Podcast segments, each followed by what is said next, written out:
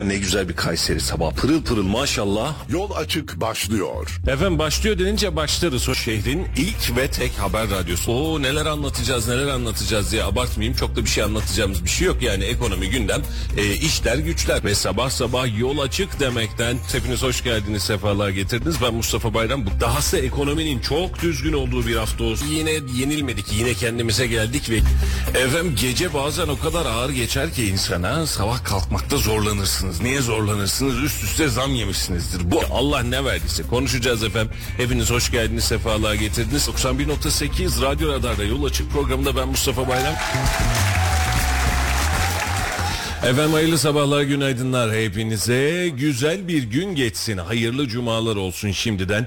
Ee, gerçekten böyle yine e, hafif çisilemeli, hafif böyle buğulanmalı, hafif sonbahar kıvamında tatlı bir havayla güne uyandık. Aslında size daha erken ulaşıyoruz ama daha erken ulaşırken ben telefonu evde unutmazsam, telefonu evde unutup yolun yarısından yeniden dönünce sabahın trafiğinde yeniden görmüş olduk. Bu arada Halil de erken gelmiş oldu bu sayede. Biz beraber başlamış olduk. Kardeşim hoş geldin. Günaydın herkese. Günaydın. iyi sabahlar. Soğuk bir Kayseri. Arabaya bindiğimde eksi bir yazıyordu. Sonra sıfır böyle merkeze yaklaştıkça artı bir oldu ama oldukça soğuk. Merkeze yaklaştık da deyince millet dağda Allah. filan yaşıyor zanneder. Talas. Ee, evet soğuk bir hava ama gün içi birazcık ısınacak gibi. Böyle çok dünkü gibi değil. Ee, hafif bulanıklık var. Hafif artık yağış etkisini gösterecek bugünlerde. Ee, ister istemez. Artık kış moduna doğru gidiyoruz. Doğalgaz faturasını kim ödeyecek efendim? Bir şekilde havanın soğuması lazım. Kışın geldiğinin belli olması lazım. Şöyle bir hava durumuna da bir bakayım. Dünü öyle başlatmış olalım. Ee, bugün itibariyle en düşük 1 dereceymiş. Ee, en yüksek 14 derece. Gün ortalaması bugün cumartesi ve pazar gü- güneşli olarak devam ediyor pazartesi itibariyle yine güneşli ama en düşük sıcaklık 0 derece en yüksek sıcaklık 13 dereceye çıkıyor ama yaklaşık birkaç haftalık hava durumu raporuna şöyle bir bakacak olursam genel itibariyle aynı seyirde devam ediyoruz parçalı bulutlu e, güneşli parçalı bulutlu güneşli yani yağmur etkisini çok fazla göstermeyecek gibi görünüyor ama aslında çıkmıyor işte pazartesi Mevsimlerin- yağmur var diyordu yok kaydığını e, artık belirgin bir şekilde fark ediyoruz değil mi Mustafa Bey? ya aslında mevsimlerin kayması değil. e, Değil mi? Yani şöyle Adil e, bunu hep söylüyoruz. Mesela e, geçen 10 Kasım'da dün de aynısını söyledim. E, rahmetli anneannem öyle derdi. Oğlum 10 Kasım'da kar yağar filan derdi. Doğru. 10 Kasım'da biz çok uzun zamandır böyle bir şey görmüyoruz. Ama geçtiğimiz yılda yanlış hatırlamıyorsam mesela kış birazcık daha erken girmişti. Kasım sonu filan şöyle bir hissettirmişti ufak kar atıştırmaları filan. Kar yağar derken acaba Erciyes'e mi kar yağar diyorlardı onu da bilmiyorum. Şimdi yaş biraz kemale erdi artık. Ha, bu arada yarın doğum günüm. Aa, hayırlı işler. 47 yaşımıza Hayırlı giriyoruz. işler aldık belayı. Teşekkür ederiz. Ee, 48 yaşımıza giriyoruz. Bizim çocukluğumuzda 80'li yıllarda gerçekten de e, anneannenizin söylediği gibi Kasım'ın ilk haftası yani 5 10 arasında Sizin güzel bir kar çocukluğunuz yağardı. bizim bebekliğimiz arada çok farklı Halil'cim öyle deme ya. olsun. Yine de hatırlama babında. Yani Gerçekten böyle, böyle dünkü çocuk muamelesi yaptım bir anda. Tamam aramızda fark var Erciyes ama. değil Kayseri merkeze güzel kar yağardı. Hatta Kasım'ın böyle 20'sinden 25'inden sonra artık her yer kar kaplar. Mart'ın sonuna kadar belki Nisan ilk haftasına kadar neredeyse asfalt yüzü ya da e, toprak görmezdik. O derece güzel karlar olurdu ama artık ciddi anlamda da kaydı. Geçen sene hatırlıyorsan Ocak'ta neredeyse ilk böyle yerde tutan kar. Ha sonra göz açtırmadı o ayrı mesele ama e, Mayıs'ta bile kar görmeye başladık. Mevsimler bence biraz şöyle bir 1-2 ay ileriye doğru atıyor gibi geliyor bana.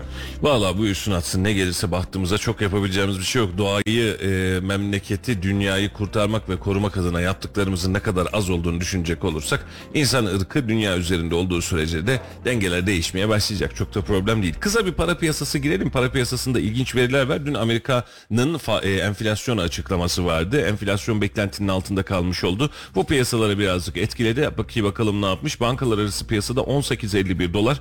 18.87'de euro olmuş. Euro aldı başını gidiyor. E, altının ons fiyatı da aldı başını gidiyor. 1600'ler, 1620'ler, 1650'ler derken ons fiyatı 1752 lira oldu. Ve altın uzun bir aradan sonra özellikle çeyrek altın 1700 liranın üzerine çıkmış oldu.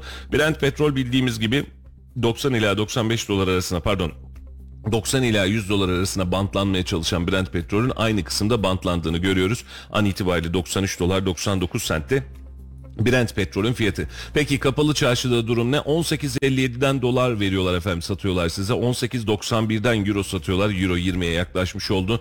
Ee, altındaki artış son 1-2 gün içerisinde gerçekten oldukça yüksekti. Ee, yani hakkını verdi tabiri caizse. Gram altın 1049 liraya çıktı ki 1000 liranın altına düşmüştü biliyorsun. Hatta şu an itibariyle 1050 lira oldu tam baktığım an itibariyle.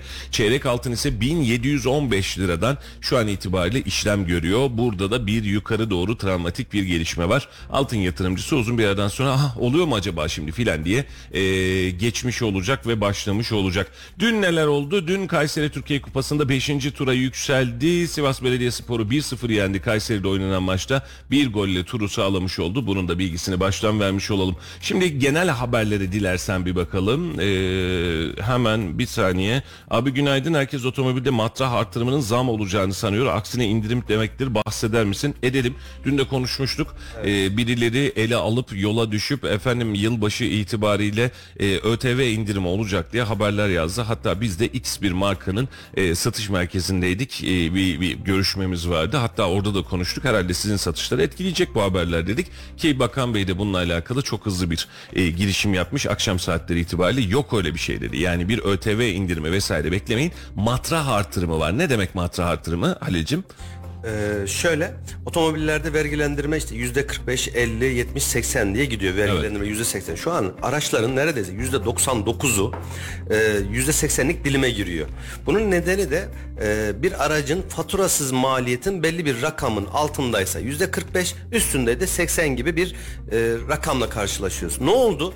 Şimdi matrah artırımı derken örnek veriyorum faturasız e, özür dilerim KDV'siz vergisiz fiyatı 200 10 bindi yanlış hatırlamıyorsam 210 binden 250'ye çıkaracaklar 300 bine çıkaracaklar. Dolayısıyla şu an için e, 400 bin TL'nin altında olan neredeyse hiç araba kalmadı ama neden dolayı? Vergilerden dolayı, KDV'den dolayı %80'den dolayı. Bu matrahı artırdığı zaman şu an 500-550 bin lira bandında olan araçlar ortalama 30 ila 50 bin TL civarında bir düşüş olacak ama e, tüm araçlarda beklemeyin hele hele C segmentinde hiçbir şekilde beklemeyin B segmentindeki bazı araçlarda 10 20 30 bin lira gibi bir ufak da olsa bir yansıma olacak o da 3-5 tane arabayı O da zaten etkileyecek. yansıma olmaz. Hadi şöyle e, araçlarda zaten Aralık ve Ocak ayı itibariyle yeni zamlarını bekletiyorlardı. Sadece zamlı fiyattan değil de zamsızmış gibi almış olacaksınız. Bu da neyi etkiliyor? Daha açık söyleyelim. Atıyorum Clio gibi, Ege gibi e, alt segment diyebileceğimiz, ucuz segment diyebileceğimiz araçların ÖTV bandına takılması sebebiyle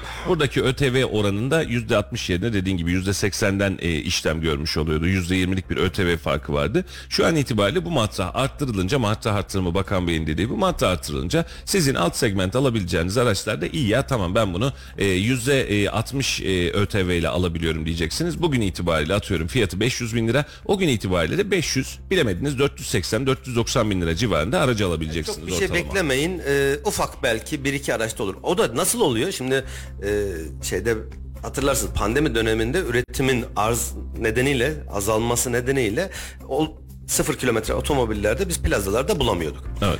Birkaç tane araba bulurken de araçlarda enteresan işler oluyordu. O dönemler B, C segmenti 220, 230, 240 bandındayken oradaki vergi matrah rakamı 250-260 bin civarındaydı. Bir anda arttığı anda 300 binin üzerine geçiyordu. Hatırlıyorsun. Evet. Ama bakıyorsun normalde 220-230 bin lira olması gereken arabayı biz 300 bin liraya almak zorunda kalıyorduk. Sebep neydi? Araba yok. Plazalar, şimdi burada birçoğu yapıyordu. Biz bunu reel anlamda da gördük. Hepsi diyelim mi? Ne yapıyorlardı? Ee, araca aksesuar ekliyorlardı. Mecburi. Mustafa Bey. Kendileri ekliyor. Jantını değiştiriyor. İşte atıyorum seramik kaplama yapıyor. Cam filmi yapıyor. Gibi Elimde böyle, bu var diyor. E, işte spoiler ekliyor. Bunlar 1000 lira, 2000 lira, 3000 liralık böyle küçük küçük rakamlardı o tarihte. Bunlar 2 yıl öncesinde. Bunlar eklediği anda araç ne oluyordu? Bir anda 250 bandın 251 bin dediği anda 300 bin liraya fırlıyordu. İşine geliyorsa bu ben bu haliyle satıyorum. O aradaki farkı da ben aracın faturasını eklemiyorum. Ayrıca faturalandırıyorum diyorlardı. Bunu birçok marka, model, firma yaptı. 230 bin liraya 40 bin lira alacağımız arabaları biz 300, e, 300 bin liradan aldık. Ya şunu kabul etmek lazım. Son bir, bir buçuk yıl içerisinde e, güzel öpüldük ya. Yani hakikaten Çok fena. yok dedik, çip dedik, o Çok dedik, fena, bu dedik, çok güzel fena. öpüldük. Ee, Allah yolumuzu açık etsin inşallah ama e, sıfır araçta özellikle beklentiye girenler ÖTV düşecekmiş efendim birazcık daha bekleyelim de araç alalım diyenlere güzel haber matra arttırımı var. Alt segment özellikle araçlarda çok ciddi hissedeceğiniz. Bazı orta segment tam geçiş süreci araçlarında da belki hissedeceğiniz bir durum var ama e, Aralık ayı itibariyle firmalar zamlarını yansıtacaklar. Şu an dolar euro kurundan dolayı da zaten onlar da bir beklentide. Her ay hemen hemen zam geliyor. Bir de üzerine yılbaşı itibariyle geçmiş olacaksınız. Yani şu an daha ucuza alırım diye düşündüğünüz aracı ben yılbaşı itibariyle bir miktar daha pahalıya alacağınızı tahmin ediyorum. E, ama tabii ki e, geçtiğimiz yıllarda yaşadığımız araç yok efendim. İşinize geliyorsa hadisesi biraz daha e, firmalarda bu anlamda bitti. Araç stokları oluşmaya başladı. Gittiğiniz zaman aracı ulaşabilme şansınız oluşmaya başladı. Birkaç marka ya da model dışında. E, bunun için burada da böyle bir avantaj var. Alacaklara şimdiden hayırlı uğurlu olsun ama e, böyle bir e, devasa bir indirim, ÖTV indirimi, devlet ÖTV'ye kaldıracakmış gibi bir sansasyon yapan habercilerin de habercilik anlayışlarını bir kez daha Bugün sorguluyorum. itibariyle hala üretim talebi karşılayamıyor. Yani gelen araba anında gidiyor. Böyle bir piyasa ortamında ÖTV indirimini beklemek de biraz hayal. Şimdi hazır araba derken ufakta bir konuya gireyim otomobil sektörüyle alakalı. Brent petrol şu an 93 dolarlar seviyesinde. Evet. Özellikle de işte e, benzin şu an 22,5-23 TL, mazot tarafı da 26-27 TL'ler civarında satılıyor. Peki insanların kafasında şu, şu soru işareti vardı Mustafa Bey. Önceden eskiden yani şundan birkaç yıl öncesine kadar mazot her zaman için benzinden daha ucuzdu. Doğru mu? Evet. Hatta hatta bundan 10 yıl 20 yıl öncesinde neredeyse 5 yarı yarıya fark ediyor. Örnek veriyorum mazot 5 liraysa benzin 10 liraydı. Yarı yarıya. Ama şu an geldiğimizde %20 %30 daha fazla oldu. Bunun sebebi ne diye insanlar merak ediyor. Ne, neden böyleyken birdenbire mazot arttı? Bunun sebebi şu.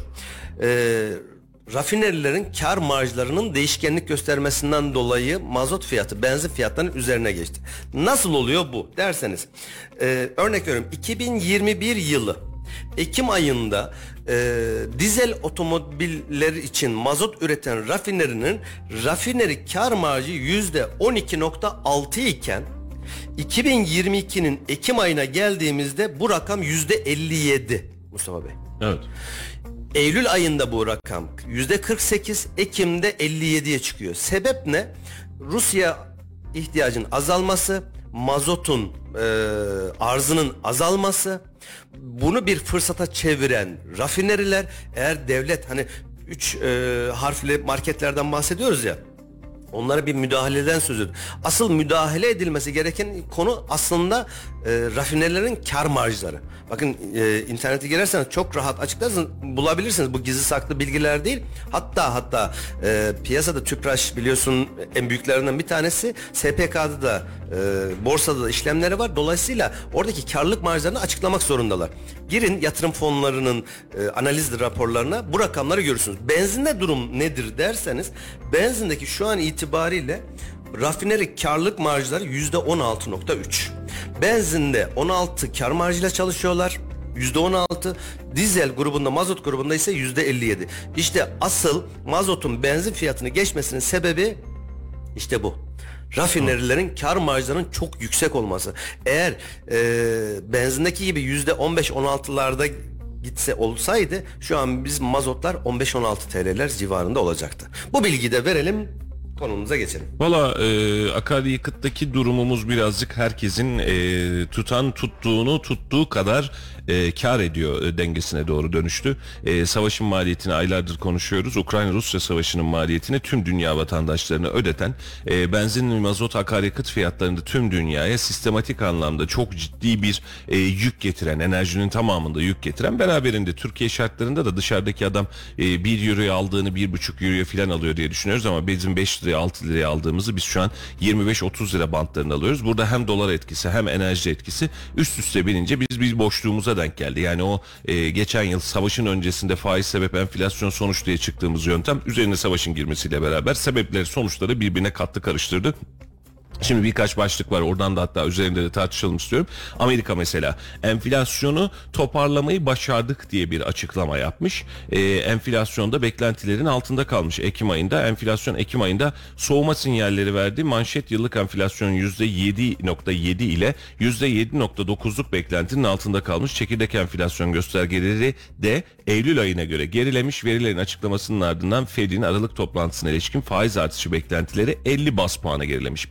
Başarmışız demiş. Birazcık faizi e, düşürmüş kendince. E, 7.9 olması bekleniyormuş. E, Ekim'de e, toplam 0.4 olarak kaydedilmiş. Aylık artış beklentisi de 0.6'ymış. E, sonuç itibariyle Amerika'da beklenilen enflasyon beklenilen oranın altında düşmüş. E, ve Biden de açıklama yapmış. Enflasyonu zannedersem kontrol altına aldık filan demiş. E, ya birileri faiz arttırarak biz ise faiz düşürerek aynı şeyi yapmaya çalışıyoruz. Sonuçlarını gerçekten merak ediyorum. E, ben kendim eminim ama gerçekten sonucu merak ediyorum. Yani sonuçta nereye ulaşacağızı merak ediyorum ama belli bir dönemden sonra hani ekonominin temel değeridir. Enflasyon sonsuza kadar yükselmez ya da sonsuza dek düşmez. Arz talep dengesini bozmaya, satın alma dengelerini bozmaya başladığınızda da aa bak böyle değilmiş e, diye çıkabiliyor. Burada böyle bir veri var. Bilgimiz olsun. Moody's e, Türkiye ile alakalı bir açıklama yapmış. E, büyüme tahminimizi yükseltmiş. Uluslararası Kredi Derecelendirme Kuruluşu Moody's Türkiye ekonomisinin bu yıl ilişkin büyüme tahminini %4,5'tan %5.3'e yükseltmiş.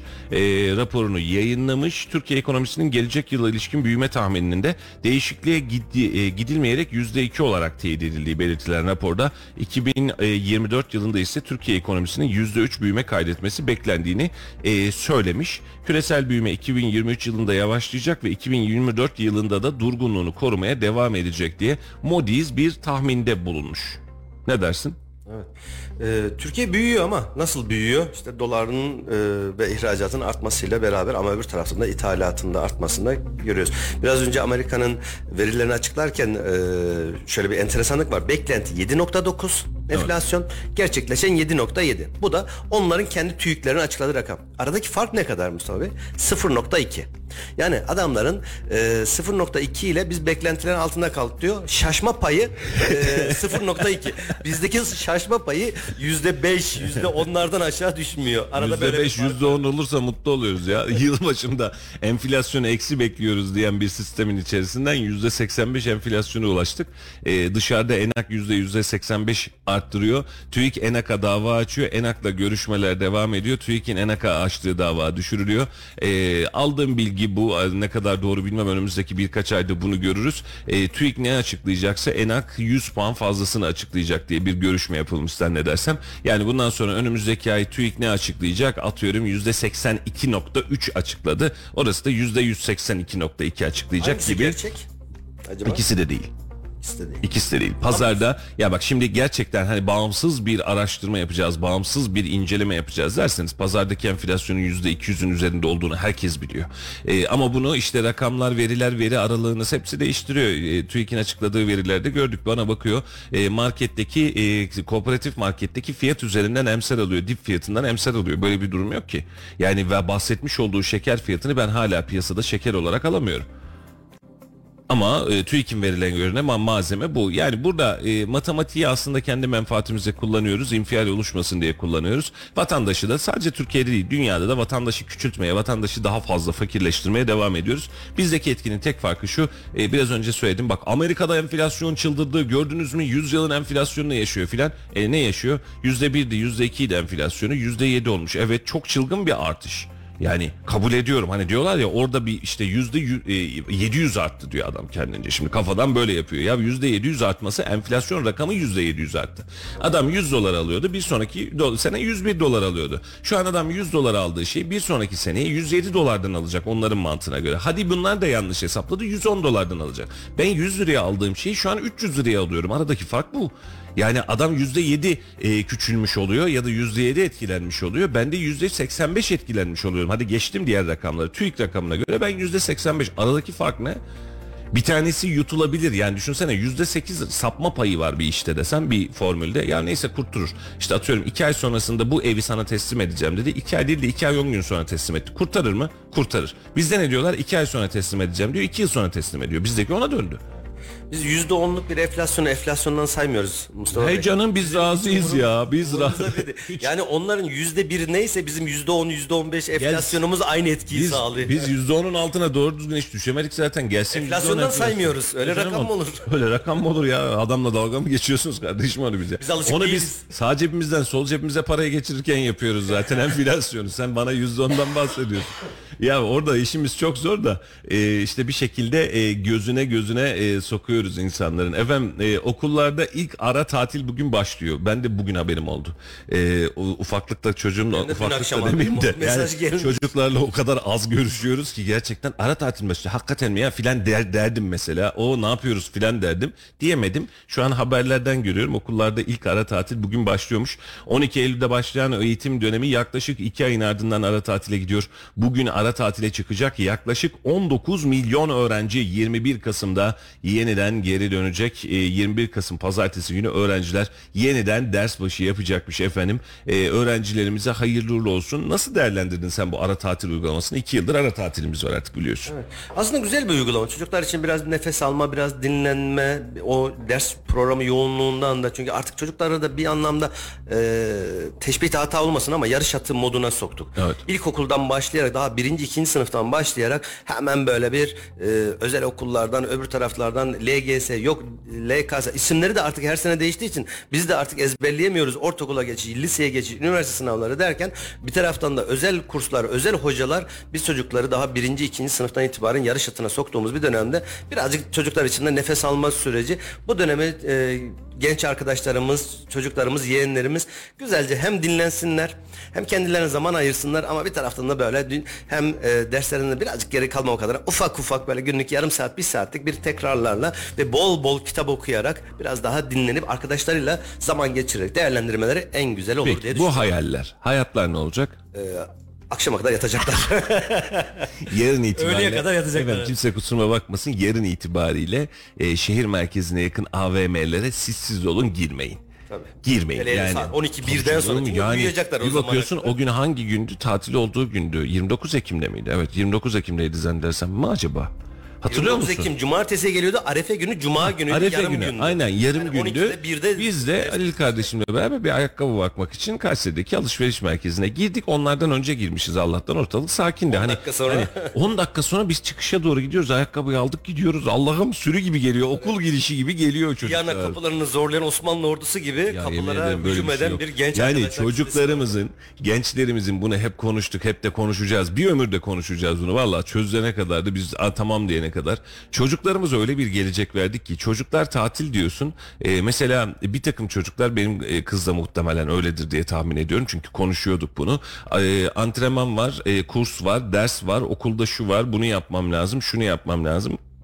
2-3 gün boşluk bulursa ancak e, dayısına doğru bir göndereyim mi acaba dedim. Yok gidemem dedi program dolu dedi. Bunu daha öncesinde konuşmuştuk.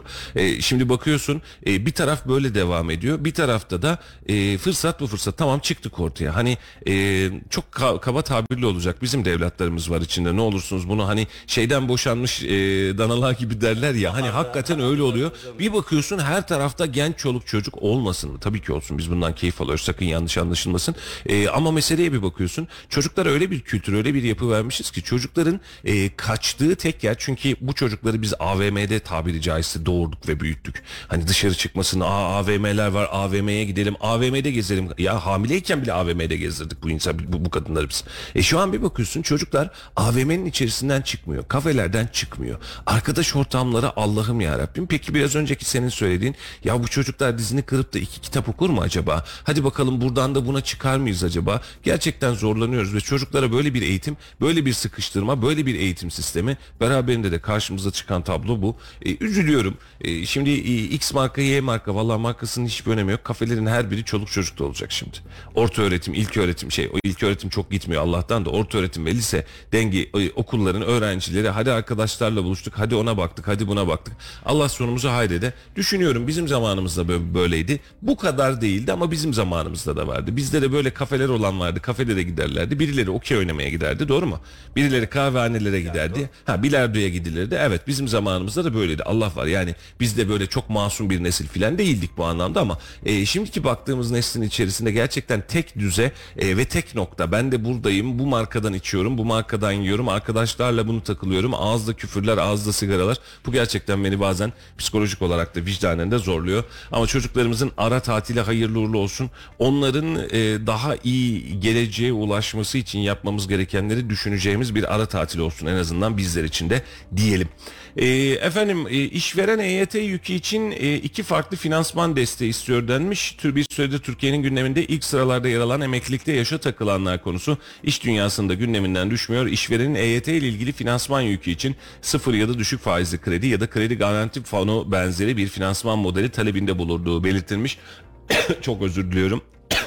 Ee, Türkiye İşveren Sendikaları Konfederasyonu Başkanı Özgür Burak Akkol, Çalışma Sosyal Güvenlik Başkanı Vedat Bilgin'le bir görüşme gerçekleştirilmiş. Gözlerde Aralık ayına e, çevrildi. E, Buna göre EYT kapsamında e, üye firmaların diyor bu bahsetmiş olduğumuz Eskişehir Sanayi Odası bununla alakalı açıklama yapmış. Üye firmaların %18'i EYT ile emekli olacak çalışanlarının oranının %35 ve üzeri olduğunu belirtmiş. E, ve e, bununla alakalı finansman desteğine ihtiyacımız var demiş TİSK'te Türkiye İşveren Sendikaları e, Konfederasyonu. E, çünkü niye? Burada e, emekli olup çalışmaya devam edecek çalışanlar için sosyal güvenlik destek primleri nedeniyle işverene teşvik ve kolaylık sağlanması amaçlanıyor demiş. Daha işçiye EYT çıkmadan e, işveren EYT'nin finansmanı derdine düşmüş. Artık e, çıkacak e, bir EYT hemen hemen herkesin gözünde e, kesinleşti. Biraz önce ÖTV hadisesiyle ilgili yazan kardeşim demiş ki EYT'ye de kesinlikle gündemimizde yok demişlerdi. Seçim var.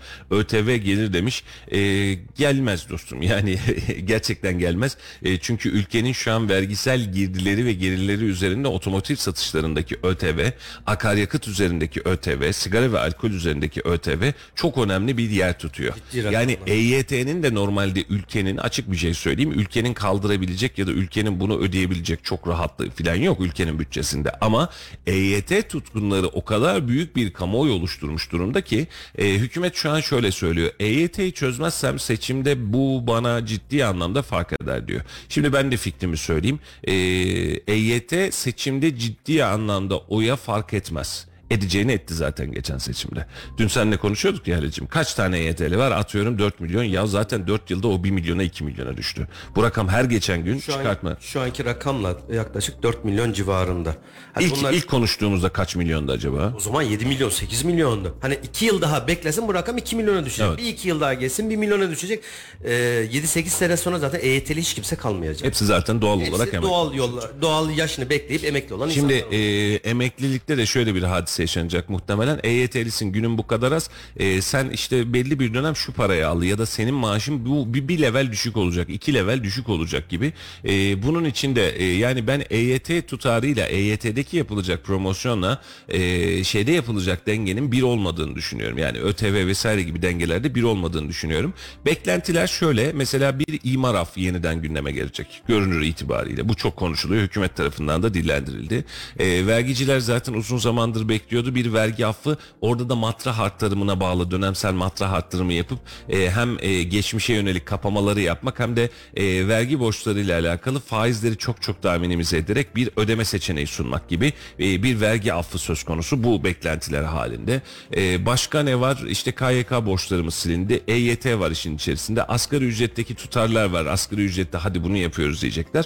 Ve e, bir de e, bunun üzerine e, muhtemel itibariyle hani önümüzdeki dönemde birazcık öyle düşünüyorum. İşverene e, ya da doğrudan son tüketiciye kredi desteklerinden bahsedeceğiz. Nasıl kredi desteği? Tamam ben devlet bankasından sana 0.99'da 0.80'le kredi veriyorum e, deme sürecine girebileceğiz gibi seçim ekonomisinin ekonomik koşulları rallisi bunlarla kalacak gibi geliyor Halil'cim ne dersin? Ee, torba yasası kanununa göre de 2000 liranın altında kalan ve artık icra işlemi başlatılmış olan tüm borçlar da silinecek. Aynen öyle. Bu da az bir rakamda değildi. Yani 2000 liranın altında olup da e, affedilecek rakam belki kişi bazında 2000 lira ama totale baktığınız zaman yüz milyonlarca rakam tutuyordu. O, Orada da kaçırdığımız bir şey var aslında. Ee, mesela bu tür borçların doğrudan şeyden düşürülmesi hadisesi var Halil'cim.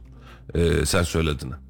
Hmm, gelir verginden düşürüyorsun. Şimdi senin bana borcun var ya atıyorum ben Türk Telekom'un varsa ki senin var onun var bunun var atıyorum bin tane 2000 liranın altında borç var. Diyor ki sen bunları siliyorsun peki bu rakamların tamamında ben senin vergi matrahından düşüyorum. Yani ben vergi emsal yapıyorum bunu devlet karşılamış oluyor. Buraya kadar her şey güzel. Şimdi Serbülent de e, bir taraftan yayında o da yazıyor. E, Serbülent'ciğim görüyorum birazdan bakacağım sana da. Şimdi geçen gün onun söylediği hükümete yakın kaynakların e, geçtiğimiz dönem itibariyle daha yakın dönem itibariyle e, varlık fonları var ya. Ney fonuydu? Varlık fonu muydu? neydi? Hah, varlık fonu şirketlerinden aldığını görüyoruz. Yok ya varlık fonu değildi. Neydi? E, batak borçları devrettikleri yer. Tamam, varlık varlık fonu tamam. Varlık fonlarından devralmışlar. Şimdi oradaki enteresanlık şu. Ben gidiyorum bankadan ver kardeşim borcunu diyorum bana. Ne kadar borcu? Atıyorum benim 10 trilyon bankanın rezervi var. Ben bunu e, 1 trilyon alıyorum. Niye? Bu zaten riskli ödenmiyor. Avukattan sonra bana geçiyor. Çünkü ben bunu 1 trilyon alıyorum. Bende de duruyor. Güzel. Şimdi yeni çıkan kanunla ne oldu? Ne oldu? Ben buradaki borcu matrahtan düşme şansım var ya artık. Yani sen borç var. Borcu zaten öldü parasına satmışsın ama ben borcun aslından zaten işleme devam etmiş oluyorum. Ben de bunu vergiden düşmeye başlıyorum. Nasıl? Çok güzel. Müthiş sistem. Varlık yönetimi evet. Ee, ne demiş? Yaklaşık 11 milyar lira maliyeti var dosyaların demiş. Ee, hangi dosyaların? Ha toplam dosyaları. Doğru. dosyalar. Ee, varlık fonu devletin başında da e, Cumhurbaşkanı var. Ee, Valla Serbülent böyle parça parça yazınca anlamıyorum dostum. Ya e, Whatsapp'tan yazmadı ya da burada toplam yaz. Böyle sen parçalı gönderince parça parça okuyorum. Topluyorum bir şey çıkmıyor. Ee, ben de mesajlarına döneyim seve seve. Ee, orada da böyle bir durum vardı. Efendim e, konuşacaklarımız var ama beraberinde iki tane şu an başlığım kaldı. E, onları da Halil'cim müsaadenle aradan çıkartmak istiyorum. İtalya ile Fransa arasında göçmen gerilimi var. Fransa İtalya'nın düzensiz göçmenleri taşıyan STK gemilerine güvenli liman vermemesine tepki göstererek bu ülkede yeniden yerleştirme programı çerçevesinde gelecek 3500 göçmenin alımını durdurmuş. Hayda. Fransa Dışişleri Bakanı Dar, e, Darmanin Darmanin, İtalya çok insanlık dışıydı tabii ki bir takım sonuçlar olacak dedi. İtalya Dışişleri Bakanı Tajani ise Fransa'nın tepkisine orantısız olduğunu belirtmiş. Ee, göçmenleri kurtaran STK gemilerine yönelik kapalı liman politikası Fransa ile İtalya'nın arasının açılmasına sebep olmuş. Göçmenlerle alakalı biz e, kendi içerimizde e, bence bu problemi çözdük gibi geliyor Halil. Ne gibi? Şimdi şöyle bundan 3 ay 5 ay 6 ay ya da e, bir yıl öncesi daha rahat olur. Bir yıl öncesinde Türkiye'nin en çok konuştuğu konu neydi? Suriyelilerdi. E, ve hatta bu ara boşlukların her birinde böyle gündem çok yoğun değilse ana gündemlerimiz mutlaka Suriyelilerdi. Göçmenler Suriyeliler, göçmenler Suriyeliler bunları konuşuyorduk. Maaş veriyorlar, şöyle yapıyor, olaylar çıkartmışlar. Tek gündemimiz buydu. Ekonomik kri- kriz çıktığından beri sanki memlekette hiç Suriyeli kalmamış gibi herkesin gündeminden çıktı. Öncelikler değişti. Kabul. Bak biraz önce İtalya ile Fransa arasında ciddi anlamda diplomasi krizine neden olan kişi sayısı 3500. ya bizde bir mahallede ondan daha fazlası var. Bizim şu bulunduğumuz binanın etrafında bundan daha fazlası var zaten tek katı. başına. Aynen öyle. Şimdi bak gündemimizden çıktı. Dahası mesela seçim geliyor şimdi. Mesela ben Allah var gerçekten muhalefetin göçmen politikası üzerine çok ciddi bir propaganda yapacağını, propaganda oluşturacağını. Çünkü zayıf karın yani ülkenin birçoğu istemiyor göçmenleri.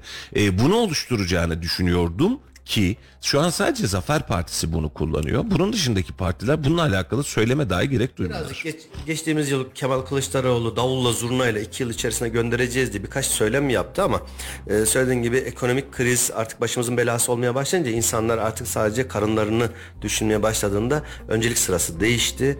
E, dolayısıyla biz göçmen sorunu bir anlamda e, halının altına ettik. Unuttuk. Valla çok ilginç yani şimdi okuyunca ya bizim de böyle bir sorunumuz vardı diye aklıma geldi gerçekten. Çünkü ekonomi Hesap etmeyeceğimiz kadar Ee, Mustafa Bey, çıkartıyoruz. Yani boş tencere zamanında Demirel'in sözüydü. Tencere tava hükümeti devirir, hükümetin başına geçirir. de. ama Tayyip Bey'in de bununla alakalı Güzel bir sözü var hatırlıyorsun. Neydi? Tencere tava hepsi ayrı bir hava. Öyle olmuyor. O tencere tavalar bir gün hükümetin değişmesine neden olabilir. Çünkü insanların birinci önceliği önce diyor benim e, karnımı doyurabiliyor muyum? Ben çoluğuma, çocuğuma, evime bakabiliyor muyum? Benim için en önemli husus A partisi, B partisi, ideolojisi, sağcısı, solcusu değil diyor. Benim ekonomim iyi mi? Ben rahat bir yaşam sürebiliyor muyum? Benim derdim bu diyor. Bana bunu sağlayabileceğini iddia eden kim varsa ben oyumu ona veririm diyor. Evet. Mevcut durumdan da şikayetçi olanlar da oyunu başka partilere veriyor. O yüzden insanların her zaman için biliyorsun Maslow'un ihtiyaçlar hiyerarşisinde ne vardır? Birinci öncelik ne vardır?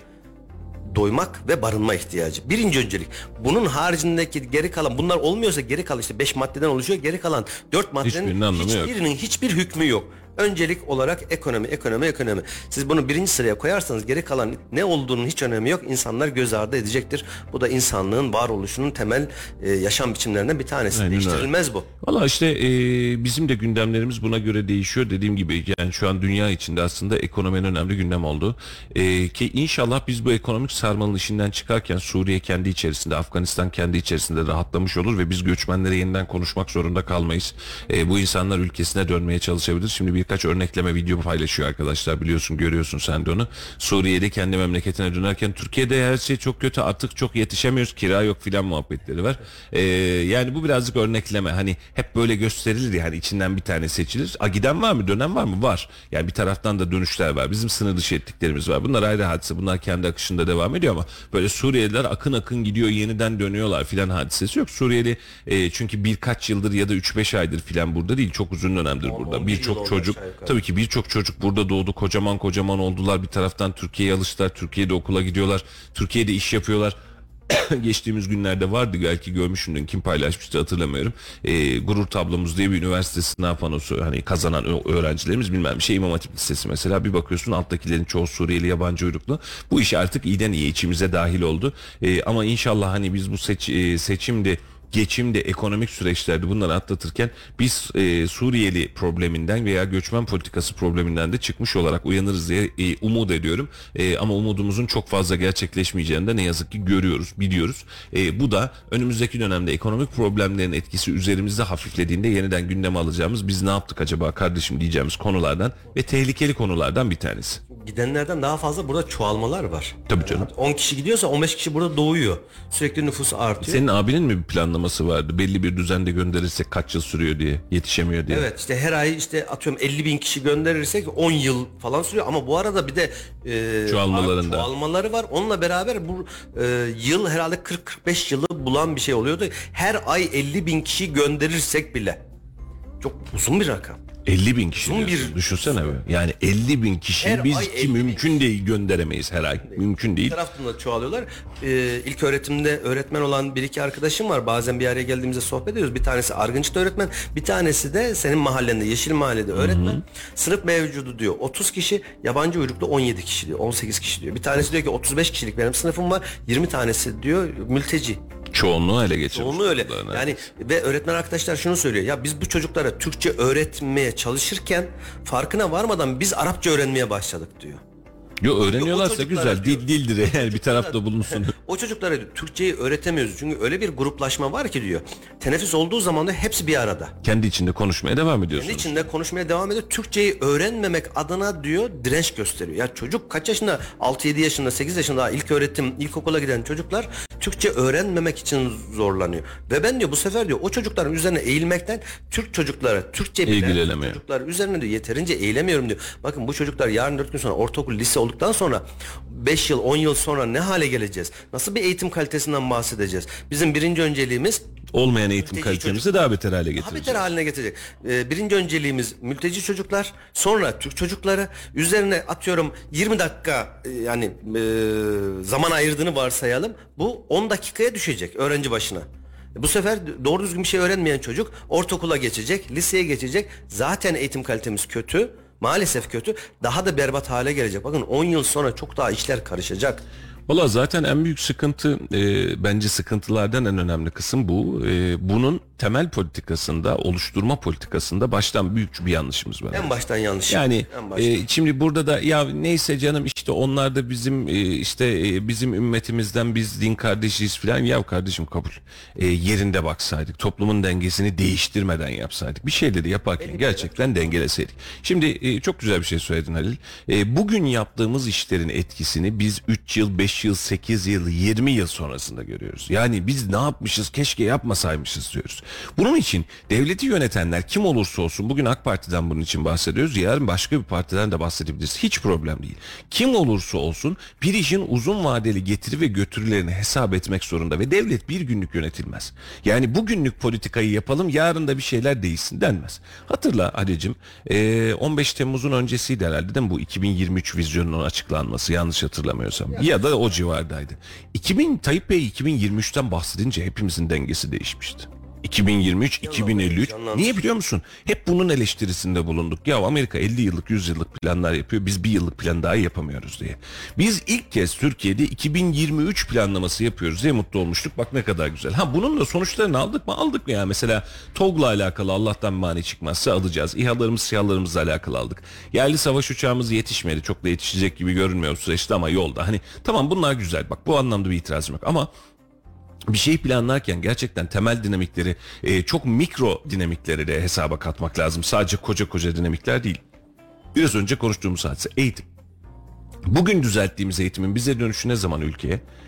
En erken ihtimalle 10-15 yıl. Doğru mu? Bak en erkeni. Hani bugün sistemi bu e, ara tatile çıkacak öğrenciler hadi gelin ya sizi bir toparlayalım bak size başka bir şey anlatacağız demeye başlasak bunun etkisini kamuoyunda piyasada ülke genelinde 15-20 yıl sonrasında görmeye başlayacağız. Yani bu bildiğin tabiri caizse gerçekten tohum ekmek gibi tohum atacaksın ve bekleyeceksin ve bu tohumun çıkma süresi gerçekten çok uzun. Ve biz bununla alakalı 20 yıldır ne doğru düzgün strateji belirleyebildik ne de şu an itibariyle işte göçmen politikası. Kaç yıl oldu? Göçmenler geleli, Suriyeliler 10-11 geleli. yıl oldu. Bak 10-11 yıl. 11 yıl öncesinde verilen bir kararın ceremesini bugün yaşıyoruz, yaşadığımızı zannediyoruz. Önümüzdeki 20 yıl 30 yılda Rabbim ömür verir görürsek bunun çok çok daha beterlerini göreceğiz. Yani şu anki nüfusları belki işte resmi rakamlara göre 4 milyon belki reel rakamlar 7-8 milyon ama bir 10 yıl 20 yıl sonra bu rakamlar 15-20 milyon olacak. Ve Türkiye'de neredeyse parti kursalar hükümeti kazanacak çoğunluğa Öyle canım. erişmeye başlayacak. Aynen öyle.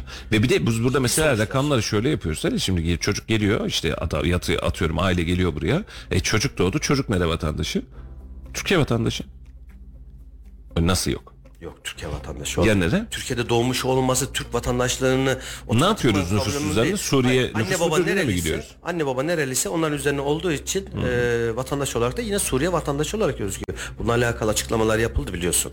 Yani Türkiye'de doğmuş olması ya da sen şöyle düşün e, eşinle beraber gittin Fransa'ya bir yıl sonra çocuğunuz oldu çocuğun Fransız vatandaşı olmuyor. Aynı şey. Aynı şey. Türkiye'de doğmuş olması Türk vatandaşlığını otomatik olarak geçtiği anlamına gelmiyor.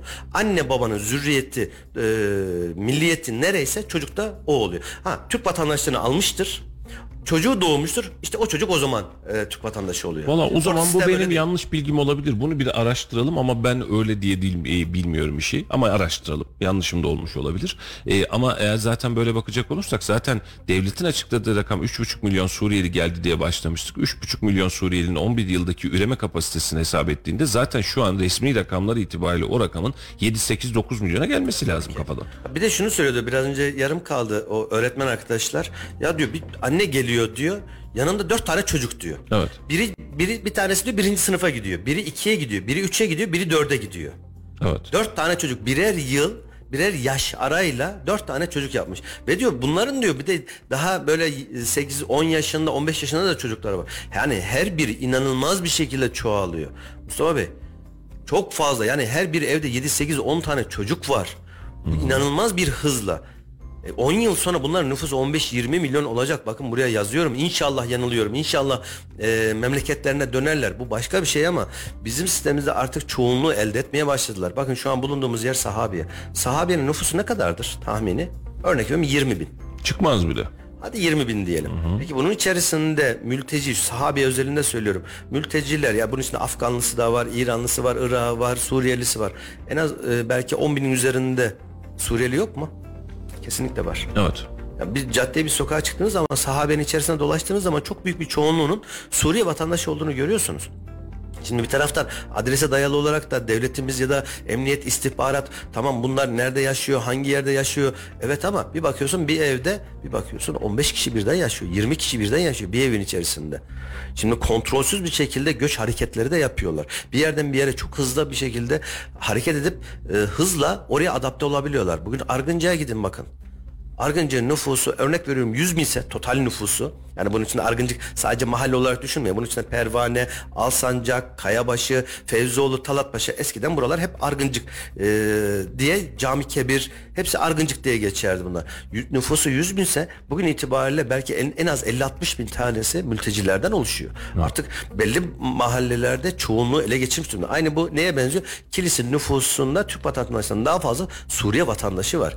E şimdi devletimiz öyle bir yanlış bir göçmen politikası izledi ki kontrolsüz bir şekilde her yere dağıttı. Ama yapılması gereken ta o zamandan nasıl sınır ötesi harekatı yaptıysa gerekirse içeriye 30 kilometre değil 50 kilometre 70 kilometre içeriye girip öyle ya da böyle bir tampon bölge oluşturup gelen mültecilerin tamamını orada istihdam edip tabiri caizse ya da orada da yerleşkelerini yapıp gerekirse evlerini mi yapıyorsun? Yap. Zaten dünyanın parasını harcadık. Akıllara zarar paralar harcandı. Hala da harcanıyor. Ama bakacaksan orada bak. Türkiye'nin içine sokmayacaktın. Avrupalı ne yapıyor? Bak 3000 tane 3500 tane göçmen için yok o limanı kapatmış. O ona göndermemiş de ciddi anlamda uluslararası sıkıntılara sebebiyet vermiş. Biraz önceki bahsetmiş olduğun kısımla alakalı kocaman bir makale buldum.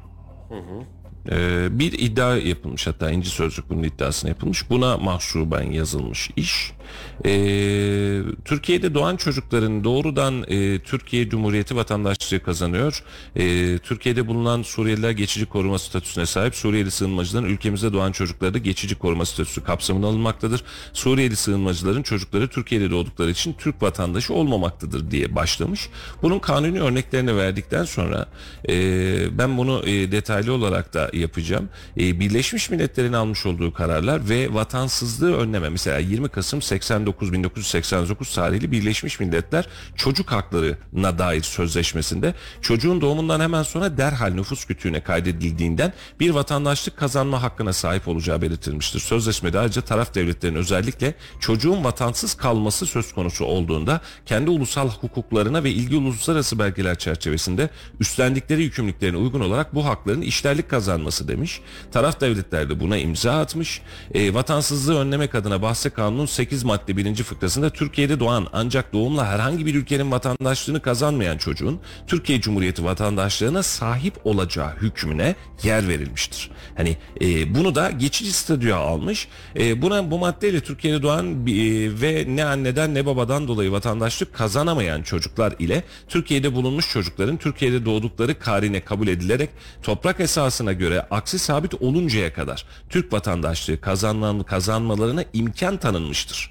Suriyeli sığınmacılara Türkiye'deki kalış hakkı sağlayan geçici koruma kimlik belgesi sunulduğu için Suriyelilerin çocukları vatansız addedilmemektedir. Geçici sığınmacı kimliği sunulması nedeniyle ülkemize doğan Suriyeli sığınmacıların çocuklarının Suriye uyruklu olduğu bellidir. Bu nedenle vatansız olarak nitelenemeyen bu çocukların Suriye vatandaşı oldukları için istisnai hükümden yararlanmaktadır. Evet senin dediğin doğruymuş Halil'ciğim. Yine de bizi dinleyen avukat arkadaşlar varsa Evet. dilerlerse programımıza katılıp daha böyle e, güzel doğru bilgilerle bizi bilgilendirebilirler. Söylediğim gibi onlar anne baba neredeyse yani nereliyse hangi milletin vatandaşıysa çocuk da o milletin vatandaşı olur. Ama bununla alakalı istisnalar ya da kapıyı arka taraftan açarak farklı e, bir takım uygulamalar varsa bizi dinleyen avukat arkadaşlarımız varsa bilgilendirirlerse biz de Evet. çok seviniriz. Burada da mesela bizim de kafamızda bir soru vardı. Ee, yani bu e, kaynakça birazcık sağma, sağlam bir kaynakça.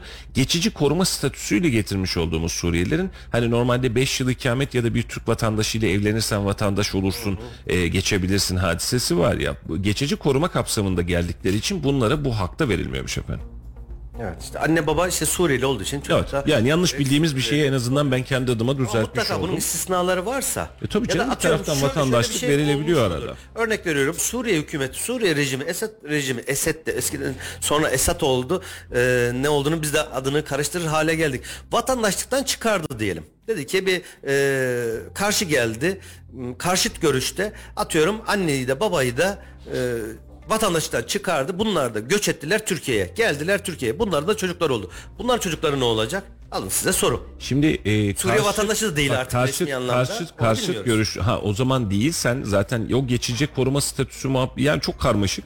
E, hadise şu ama sen mülteci olarak bunu kabul ettiğindeki durum farklı oluyor. Diğeri farklı oluyor zannedersem ama e, göç idaresiyle dayalı göç idaresine dayalı hukuk üzerine çok ciddi emek sarf eden avukatlarımız da var. O avukatlardan bununla alakalı bir fikir almak lazım ama bu benim de mesela yanlış bildiğim e, doğru bildiğim yanlışlardan bir tanesi işin açıkçası. E, vatandaşlığı vermiyoruz. Ha bir taraftan vatandaşlık verdiklerimize var ama hani İçişleri Bakanlığı bunu açıklıyor. Şu kadar kişiye vatandaşlık verdik. Şu oldu bu oldu diye de açıklıyor bunu. Buradan yine bir sıkıntı yok. Ama bu e, gelen 3,5 5 milyon 10 milyon her neyse her birinin Türkiye Cumhuriyeti vatandaşı olduğu anlamına gelmiyor en azından. Bunu hatırlarsan 80'lerin sonunda 90'lı yıllarda da İsrail ile alakalı bununla alakalı çok fazla asparagas haberler yapılmıştı.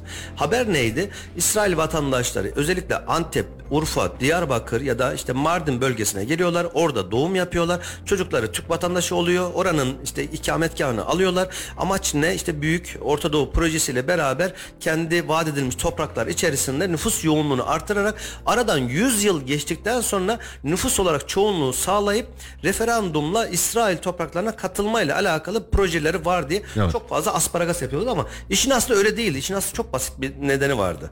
İşin aslı e, buradaki sezeryan doğum fiyatlarının İsrail'deki doğum Ucuz fiyatlarının neredeyse onda bir kadar bir rakam olmasıydı. Bir, doğurup geleceğim deyip geliyordu Türkiye'de. Evet doğuruyor işte atıyorum bir hafta 10 gün kalıyor neyse işte hastanede çocuğu biraz sağlıklı hale geldikten sonra memleketine tekrar dönüyordu. Bu da bunun gibi bir şey oluyor. Şimdi e, anekdotla alakalı İlk defa NASA uzaya insanlı bir şekilde e, uzay aracı gönderdiğinde oradaki tükenmez kalemler yazmıyor. Yerçekimsiz bir ortamdan dolayı mürekkebi akmadığı için e, yazı yazamıyorlar, not alamıyorlar oradaki astronotlar. İnanılmaz bütçeler harcıyorlar, arge bütçeleri harcıyorlar. Uzayda yazan kalemle alakalı mürekkepler, öbürü özel kalemler şu bu. Sonra çok kolay bir şekilde çözüyorlar. Nedir biliyor musun? Kurşun kalem kullanıyorlar. Bazen Bunun için çok düşünmüş olmalılar herhalde. Bazen çözüm çok basit bir şekilde karşımıza duruyor ama işte o asparagas haberlerle de biz de uzun Ya zaman tabii ki şimdi harcıyoruz. enformasyonu doğru vermezseniz dezenformasyona tabi kalırsınız. Bu ülkece problemimiz. Yani şimdi dezenformasyon yasası çıktı onda da aynı hadisemiz var ya. Hani e, sen bilgiyi doğru düzgün verme, vermediğin zaman karşı tarafta acaba bilgi böyle mi diye düşünmeye başlıyor. Sen doğru vereceksin o zaman. Yani vatandaşı da bu anlamda aydınlatacaksın. Ama vatandaşlık ver ya da verme. Şimdi geçelim ikinci bir kısmı. Türkiye Cumhuriyeti vatandaşı olmadı. Tabii olmasın. E, çoğalmaya devam etmelerine engel var mı? Yok. Yok. Çoğalacaklar mı? Hızlı çoğalıyor. Sizden bizden çok, Çok iyi çoğalıyorlar hızlı, vallahi çok güzel hızlı. çalışıyorlar Allah var. Yani- E sonuca bakıyorsun. Sonuç itibariyle bu nüfusun bu kadar artması benim eğer vatandaşım değilse okuma hakkını vermemem lazım. Veriyorum. E, okulumu kullanıyor bak vatandaşım değil ama okulumu kullanıyor. Vatandaşım değil hastanemi kullanıyor. Vatandaşım değil eczanemi kullanıyor. Vatandaşım değil bankamı kullanıyor. Bir vergi dairemi kullanmıyor doğru düzgün. Hepsini kullanıyor mu? Kullanıyor. E bu rakam bakın 3 milyon 5 milyon diye bahsettiğimiz rakamları birçok veri birçok kaynaktan açıklama yaptı. Bunun 10 milyona yaklaştığıyla alakalı 10 milyon civarında olduğuyla alakalı da böyle çok üst iddialar var. 10 milyon belki çok astronomik bir rakam olabilir ama bunun az 3 değil, milyon değil, 3,5 değil ya. Ha bunun 3-3,5 milyondan çok çok daha fazla olduğunu, 4 milyondan daha fazla olduğunu biliyoruz. Peki bu insanlar bu toplumda yerleşmeye devam ettikçe e, ve çoğalmaya devam ettikçe bunun 20 yıl sonrasındaki gelebilecek tabloyu bir hesap edelim. Söylüyoruz 15-20 milyon. En az. Aynen öyle. Türkiye'nin nüfusu Türk vatandaşlığı adı altında belki o tarihte 100 milyon olacak ama bunların nüfusu 20 milyona yaklaşır. Bunlarla beraber 120 milyon Hadi olacağız. bir tabii ki. Bize Peki ikinci rakam- soru ne kadar daha vatandaşlık vermeyeceğiz bu insanlara? bir süre Şimdi bugün vermedik örnek olarak verim. Ne kadar daha vermeyebilirsin ki vatandaşlığı? Şöyle şimdi bundan 10 yıl 15 yıl sonra ne Tayyip Erdoğan kalacak ne Kılıçdaroğlu kalacak ne Meral Akşener kalacak ne diğerleri ne de Devlet Bahçeli. Hepsi değişecek hepsi gidecek. O zamanki siyasi konjonktürde bu insanların artık çok büyük bir çoğunluğu burada e, ticaretin içerisinde Sosyal hayatın içerisinde, okulda, eğitimde, şurada burada her yerde olacaklar mı? Olacaklar. Üniversite bitiren çocuklar olacak mı? Öyle ya da böyle olacaklar. Kazananlar olduğuna göre onlar da Tabii, bitirecek bir şekilde. e, bunlar üniversite mezunu da olacaklar. Bir şekilde artık Türk vatandaşlığıyla beraber o zaman o tarihteki bundan 20 yıl sonraki siyasi konjonktürün içerisinde oylarına talip olabilmek, hükümet ada, olabilmek adına belki bir dünya vaatlerde bulunacak. Evet. Bunun garantisi var mı? Şimdi Bilmiyoruz. geçtik ben başka bir şey daha söyleyeceğim sana. Suriyeli çocuğu aldın. Tıp fakültesine yerleştirdin. Doktor yaptın. Ne yapacağız? Türk vatandaşı değil geri mi göndereceğiz? Ben okutmuşum. İmkanını ben vermişim devlet olarak doğru mu? Tabii doktorluk hizmetine devam Şimdi edecek. çok özür diliyorum. Hırsızını aldık, arsızını aldık, yatlısını aldık, yaramazını aldık ama iyi olanları biz başta ne yapamadık? Alamadık. Yani oradan doktor gelecekti. Biz sana izin vermiyoruz dedik. Gitti Avrupa'ya. Çalışma Mühendis gelecekti. diye. Yok dedi. Sermaye getirecektik. Yok dedik. Bize olanlar tabiri caizse Suriyelinin çöpü kaldı. İyisi kalmadı. Yani Avrupa'nın Avrupa altında kalanları biz aldık. Tabii canım yani şimdi Avrupa burada çok akıllıca davrandı. Zamanında da yaptılar bu hadiseyi. Ben tamam mülteci alacağım dedi ve seçme yaptı bildiğin. Tek tek eliyle gözüyle seçerek tamam senin niteliğin bunun için ben 100 tane kapasitem var ben seçerek alacağım ben 1000 tane alacağım dedi. Biz ne yaptık? Allah ne verdiyse aldık. Ve bakın Horsana 10 yıl, salır 10 ne verirsen aynen öyle. hesabı. 10 yıl, 11 yıl öncesinde yapmış olduğumuz stratejinin cezasını bugün itibariyle hala yaşıyoruz. İlerleyen yıllarda bunun daha fazlasını yaşayacağız. Bunu özellikle altını çizerek söylüyorum. Bunu daha önceki yayınlarda da söyledim. Derdim ve amacım asla şu değil. Onlar insani olarak buraya gelmiş ve burada yaşayan insanlar. Türk olması, Suriyeli olması, başka bir ırktan olması beni bağlamıyor. İnsani olarak ben bugüne kadar bak mahallemiz Sahabe Mahallesi'nde bizim ofisimiz. Etrafımızın birçoğu Suriyeli. Türk esnafı zor buluyoruz neredeyse. Hiçbirinden bir gram zarar görmedik. Doğru mu Halil'ciğim? Evet Allah var. Görmedik. Bir Yani ne kapımızı hani kapımızı çalıyorlar arada bir adres sormaya e, şeyde e, Salih'te a- adresi bilemiyor Arapça da bilmiyor elham okuyor gönderiyor falan böyle bir şey yapıyor. okuyor, Aynen öyle ama e, bir zararlarını görmedik. Benim buradaki kastettiğim kafatasçı, ırkçı, e, bu insanları dövelim, hor kullanalım, ite öteleyelim, iteleyelim değil. Sakın kimse yanlış anlamasın. Yani biz bu anlamdaki duruşumuz çok net. E, bizim buradaki sorguladığımız ve suçlu bulduğumuz bu sistemi başlangıçta bu sistem haline getiren ve kabul eden Türkiye Cumhuriyeti'dir. Yani bizim Suriyeliler zan- bunu şöyle düşün Almanya'ya gitmiş sen Almanya göçmen alıyorum demişsin. Bizim Türklerimiz Almanya'ya gitmiş Almanya'da yerleşmiş. Orada şuradaki e, dazlak kafalı arkadaşlar çıkacaklar ırkçılık yapacaklar. Biz buna da karşıyız. Bu Türkiye için de geçerli. Zamanında Suriyeli gelmesin dövelim vuralım kıralım. Hayır kardeşim onun çocuğu da senin çocuğun gibi çocuk. O da bir insan evladı. Yani bu anlamda bir sıkıntımız yok. Ama stratejik olarak vermiş olduğumuz sonucun e, hatanın sonuçlarını görüyoruz ve bunu gerçekten bak biraz önce Halil Bey çok güzel bir şey söyledin. E, her ay 50 bin tane insanı gönderiyoruz desek biz hani her ay 50 bin tane insan hadi Suriye'ye gidin hadi Suriye'ye gidin 50 bin çok büyük bir rakam ya. Gönderiyoruz 600 bin desek ya. yılda 600 bin yapar. 10 Biz- yılda 6 milyon. Aynen öyle. Bak hiç çoğalmasınlar. Aynen öyle. Yeni gelen hiç Biz olmazsa 10 10 yıl. yılda ancak bitirebiliyoruz bunu. Aynen. Ki bizim şu an böyle bir 50 bin gönderme vesaire hadisemiz var mı? Yok. 50 bini boş ver. 1000 tane 2000 taneyi zar zor gönderiyoruz sınır dışı operasyonuyla. Sınır dışı yaparak yani. Onlar suça karışmış, vırt olmuş, sırt olmuş diyerek. E demek ki ne? İçeride büyümeye devam edecek ve bununla alakalı stratejik anlamda çok ciddi bir e, girişim gerçekleşmezse bunun bize etkisi çok fazla olacak. Oldu daha fazlası da olacak. Bakın okullarımızda e, bu çocuklar sebebiyle şu an itibariyle neredeyse tekli eğitime geçemiyoruz. E, bunlarla alakalı bir sıkıntımız var. Bu çocuklarımızın dildir e, dil ayrımı sebebiyle din ayrımımız yok ama dil ayrımı, kültür ayrımı sebebiyle bizim çocuklarımız kendi okullarımızda bize ait okullarda hayırseverlerimizin ya da milli eğitimin yaptığı okullarda rahat rahat eğitim alamıyorlar. Suriyelilerle beraber artık Arapça öğrenmeye başladılar. E, bu çocuklar yarın bir gün üniversite sınavlarına girecekler, girsinler. E, başka şeyler yapacaklar, yapsınlar ve bu çocukları hem biz yetiştireceğiz, bedenini biz ödeyeceğiz. Bizim okullarımızda, bizim mahallelerimizde, bizim kültürümüzde, bizim ekonomimizin içerisinde büyüyecekler ve sonrasında ne yapacaklarıyla alakalı hiçbir fikrimiz yok. Ve dediğin gibi bu iş 20 milyonu bulmaya başladığında ki bence 5 milyon 8 milyon da çok önemli bir rakam. 8 milyon insanla şu an ben seçime gidiyorum ben de vatandaşlık ve oy hakkım var dese denge değişebilir. Şu an yok ama yarın bir gün olsa bunun dengesi değişebilir. Ee, bu rakam da gittikçe artmaya devam edecek ve burada çok ciddi bir sıkıntımız var dostlar.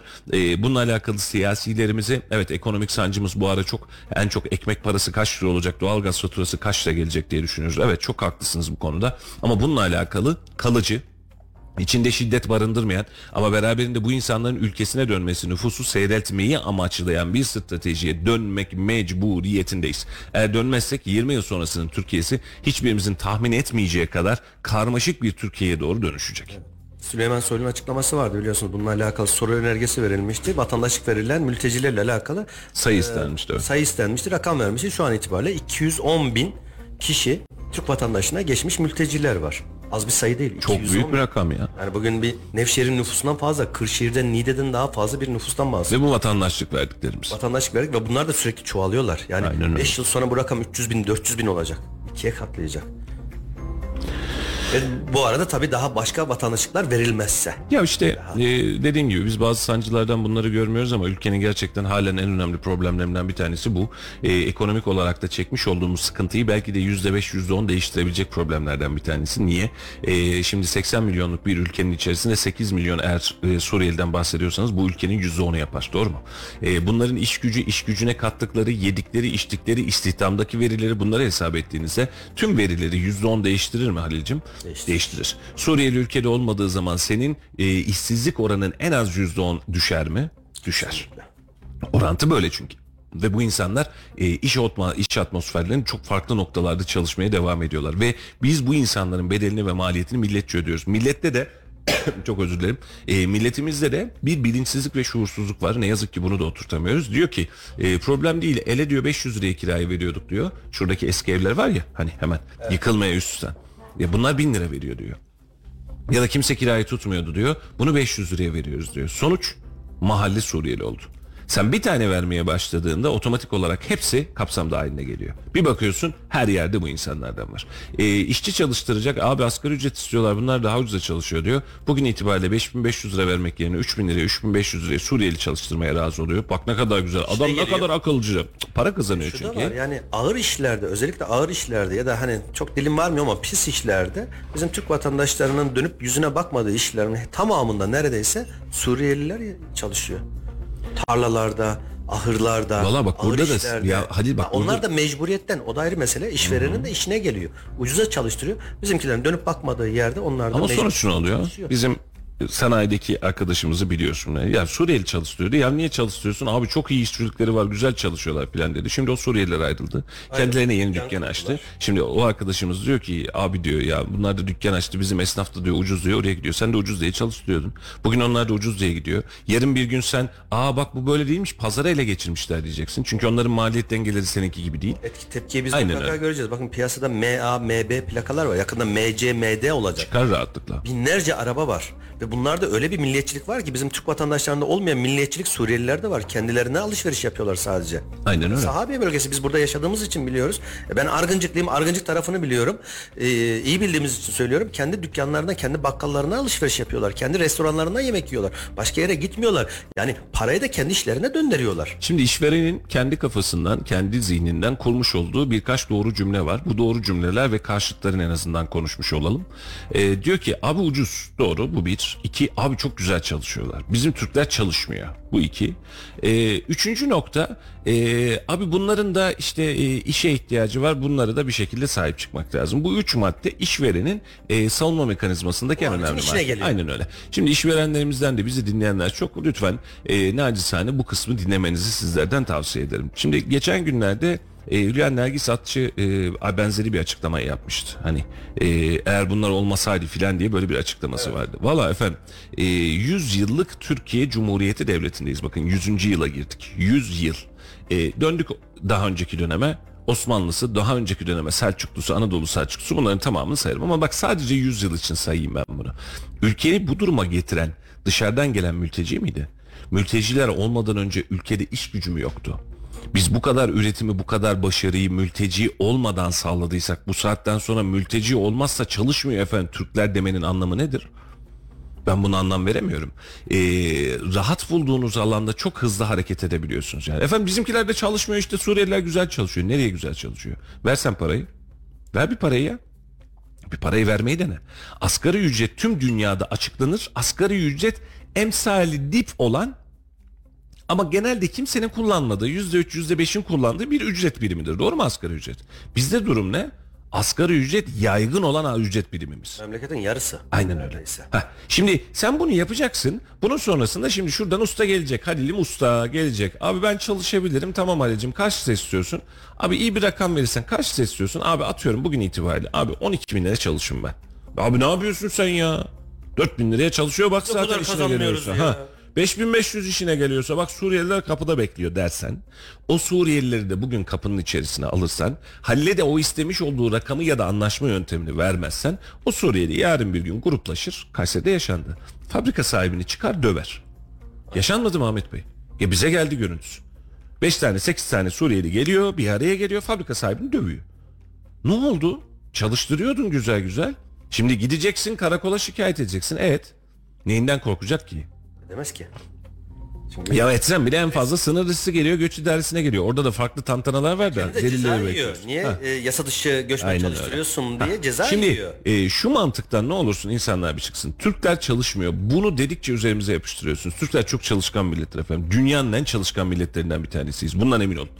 Hani e, mesela biraz önce Halil Bey'in söylediği bazı pis işleri de bizimkiler yapmıyor. E yapmazsın be Halil. Şöyle düşün masa başında ya da fabrikanın herhangi bir köşesinde 5500 almak varken aynı rakama sırtında taş taşır mısın? Taşır mısın? Onun da, Taşımazsın. onun da o zaman bedelini vermek zorunda. O zaman 5500 değil kardeş bu ağır bir iş sana 7000 lira 8000 Aynen lira öyle. 10 bin lira neyse haklı. Aynen öyle. Bak Bunu şimdi vermek zorundasın. çok basitlikle söyleniyor. Afganlar olmasa biz hayvancılık sektöründe sıkıntı yaşarız. Niye yaşıyormuşuz efendim? Çünkü Afganlara 6 bin lira, 7 bin lira, 8 bin lira veriyorsun. Afgan çobanlık yapıyor. Bu konuda da iyiler. Allah var hani bildikleri iş. Tamam buraya kadar kabul. Peki normal şartlarda şöyle düşün. Şu an itibariyle ki bizim ekipte çalışan herhangi bir arkadaşa desek ki ya sana 8 bin lira maaş. Çobanlık yapacaksın. Ne yapacağım abi? İşte hayvanla beraber yatacaksın, kalkacaksın, yürüyeceksin, gideceksin. Gider misin? Gitmez. Hiçbiri gitmez. Oturduğun yerde evini aileni gördüğün 5500 mü? Dağın başında hayvanla yatıp kalkarak bildiğin bu yaşamı sürdüğün 8000 mi? E demek ki çobanın daha fazla paraya ihtiyacı var. Yani bunun cezbedi yani bunu şöyle düşün. Ya kardeşim giderim 6 ay çobanlığımı yaparım çocuğumu okuturum. Ya da şunun ihtiyacını karşılarım arabamı alırım dedirtebileceksen bu adamın bir anlamı var. Şimdi bunların tamamı ne demek? Fiyat artışı demek. Fiyat artışının tamamı ne demek? Enflasyon demek. Kabul. Ben bunu vakti zamanında daha bu faiz sebep enflasyon sonuç enflasyon dengelemine girmeden önce yazmıştım. ÖSSEK'in bir açıklaması vardı. Kayseri Millet'te hala yazı duruyor. ÖSSEK haklı diye bir yazı yazdım. Millet de sadece başlığı okudu bana yüklendi. Bunlar giderse dedi Antep'te vesaire dedi sanayide sıkıntı yaşarız dedi. Haklı. Ne anlamda haklı? Giderse bir enflasyon döngüsü çıkar. O zaman Türkiye'deki enflasyon yüzde yirmi, yüzde yirmi beşler civarındayız. Haklı. Yüzde on enflasyon çıkar kardeşim doğru. Niye? Bugün itibariyle o ustayı 4 bin liraya 5 bin liraya çalıştırıyorsun. İyi bir usta alacaksın. İyi bir usta yetiştirmeye maliyet ödeyeceksin. Bir yılın sonrasında o ustanın maliyeti sana 10 bin lira olacak. Buna da kabul. Sen işçilikten aldığın 1000 liraya yaptığın işi 1500 liraya yapmak zorunda kalacaksın. Buna da kabul. Bak biz bir cümlenin hesabına %300 enflasyon yaşıyoruz bu memlekette. Suriyelilerin çalışmaması veya bizim Türklerin daha fazla işe vakıf olması adına %20 enflasyonu çekeydik. Doğru mu? Doğru. Onun için haklı dedim. Niye haklı? 11 yıl önce yaptığınız yanlışın sonucunu çekiyoruz. Bıldırki hurmalar dedim başka bunun bir açıklaması yok. Daha önce yaptığınız işlerin bir sıkıntısını yaşıyoruz. Ve şu an itibariyle sisteme enjekte ede ede ede şu an Suriyelileri gönderirsek biz ne yaparız? Ve gerçekten şundan hicap duyuyorum. Bunu da açık açık söyleyeyim. Kim söylüyorsa da karşısındayım. Efendim bizim Türklerde çalışmıyor. Bu memleketi Suriyeliler mi kurtardı? Bu memleketin bugüne kadarki ekonomisini Suriyeliler mi yaşadınız da Türkler çalışmıyor diyorsunuz? Oturacaksınız, kalkacaksınız, işinizi doğru düzgün yapacaksınız. Ondan sonra döneceksiniz. Suriyeliler çalışıyor mu, Türkler çalışıyor mu, çalışmıyor mu? Bunun tantanasını yapacaksınız. Ama dönüyoruz. Efendim bizimkiler böyle. Bizimkiler böyle böyle. Böyle bir dünyamız yok. Ne zamanki bir şeyi se- e, sem- empati üzerinde kurgulamadan yaparsak emin olun o gün dert ve e, hemhal oluyorsun. Verdik o kötü evleri kiraya şimdi koskoca mahalle bizden gitmiş oldu. 16 evin 11 tanesi Suriyeli oldu. Argıncık'ta bizim sokakta demiş Serbülent. Öyle. Eyvallah. Vallahi öyle. Aydınlık evler gitti. Eskişehir bağlarında çok ciddi sıkıntı yaşadık. Sahabiye gitti. E, Argıncık gitti. Doğru mu kardeşim? Talatpaşa, Fevzioğlu hepsi Bitti ya mahalle Hepsi- gitti. hepsi bitti. Bak şu an mahallede biz arkadaşlarla dalga geçiyoruz. Biz şimdi buradan çıkıp arada bir e, meydana doğru bir yürüyüş yapıyoruz. Şöyle bir nefes alalım filan diye en azından bir yürüyüş hattımız olsun diye. Buradan meydana gidene kadar Türk görmüyoruz neredeyse. Ana caddeye çıkıyoruz onun için. Yani bir, çünkü Suriye Halep'te yaşıyormuş gibi yapıyorsun. E, bu hale niye getirdin kardeşim beni? Dün akşamüstü ofise gelirken tam bizim ofisin önünde aracımı park ettim indim 3 tane delikanlı 18-20'li yaşlarda Ee, tam yanlarından geçerken bir baktım Türkçe konuşuyorlardı. Aha dedin. Öyle bir Kurban şaşırdım olayım ki diye. sarılacaktım neredeyse. Hemşerim diye sarılacaktım. Ya bakın mübalağa yapmıyorum. Yani espri olarak algılamayın ne olur. Şu sahabiyede Türkçe konuşan birini gördüm ben ofisin yanında. Değil mi? Bakın burada yaşamak lazım. Ne demek istediğimizi anlamanız için burada yaşamanız lazım. Evim Talas'ta, Bahçeli evlerde oturuyorum ben. Tamam orada sorun yok ama sahabiye en büyük sorunlardan biri. 10 yıl Argıncık en sonra büyük sorunlardan biri. Aynen öyle. Vallahi neredeyse sarılacaktım ya. He- hemşerimi görmüş gibi oldum Bir gurbette. kardeşim yazmış 10 yıl sonra çalışanlar o işletmelere patron olarak görev yapar. Vallahi öyle olur. Ee, ben patron yani yanlış anlamayın ben sermaye düşmanı değilim emek düşmanı değilim. İnsanlar çalışabilir, deneyebilir, becerebilir. Ama bunu e, standartları değiştirerek yaparsanız benle sen aynı standartta değilsen o zaman otururum düşünürüm. Mesela geçen gün e, SGK İl Müdürümüz Hacı Ali Askül konuğumuzdu oturuyoruz konuşuyoruz diyor ki göçmenlerle alakalı biz SGK'dan bütçe vermiyoruz. Sen prim ödüyorsun. Bağkur SSK prim ödüyorsun. Ben senden SGK'lı e, göçmeni tedavi etmiyorum. Eyvallah. Bak çok güzel.